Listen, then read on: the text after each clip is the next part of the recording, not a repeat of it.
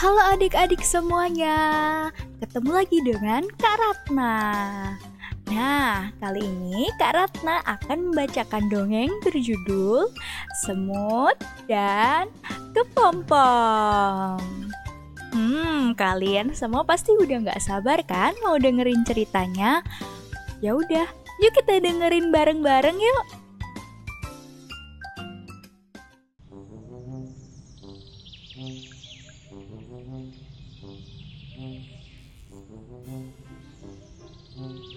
Di suatu hutan yang rindang, hidup berbagai binatang buas dan jinak. Ada kelinci, burung, kucing, capung, kupu-kupu, dan yang lainnya. Pada suatu hari, hutan dilanda badai yang sangat dahsyat. Angin bertiup sangat kencang, menerpa pohon dan daun-daun terdengar bunyi dahan-dahan berpatahan. Banyak hewan yang tidak dapat menyelamatkan dirinya, kecuali si semut yang berlindung di dalam tanah. Badai baru berhenti ketika pagi menjelang. Matahari kembali bersinar dengan hangatnya. Tiba-tiba, dari dalam tanah muncul seekor semut. Si semut terlindung dari badai karena ia bisa masuk ke sarangnya di dalam tanah. Ketika sedang berjalan, ia melihat seekor kepompong yang tergeletak di dahan daun yang patah. Oh no! Si semut bergumam, "Hom, alangkah tidak enaknya menjadi kepompong, terkurung dan tidak bisa ke mana-mana." Menjadi kepompong memang memalukan. Coba lihat aku, bisa pergi ke mana saja aku mau.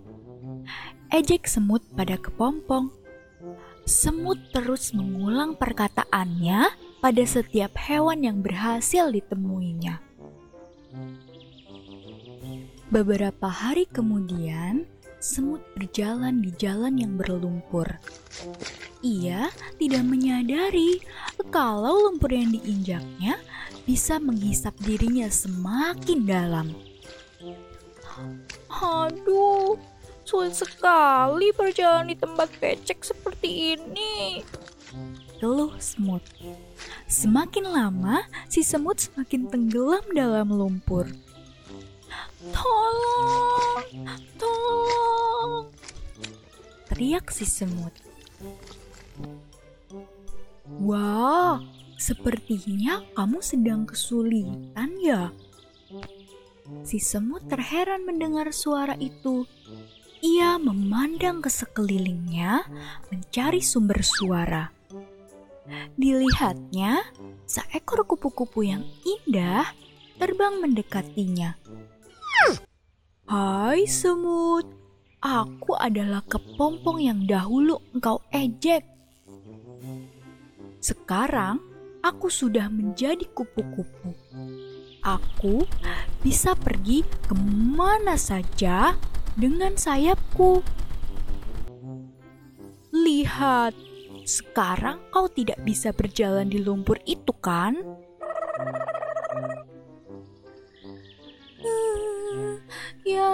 Aku sadar.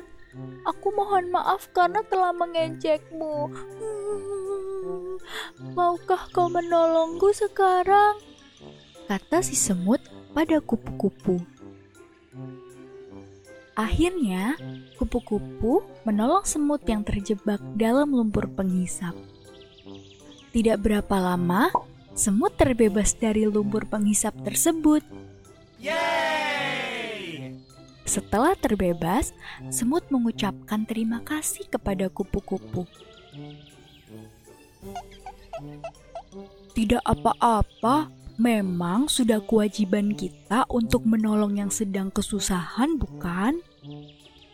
Karenanya, kamu jangan mengejek hewan lain lagi ya. Karena setiap makhluk pasti diberikan kelebihan dan kekurangan oleh Yang Maha Pencipta. Sejak saat itu, semut dan kepompong menjadi sahabat karib.